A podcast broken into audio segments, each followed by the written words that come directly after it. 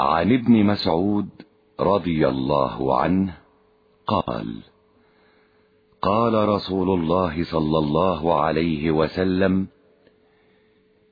لا يحل دم امرئ مسلم إلا بإحدى ثلاث الثيب الزاني والنفس بالنفس والتارك لدينه. المفارق للجماعة. رواه البخاري ومسلم.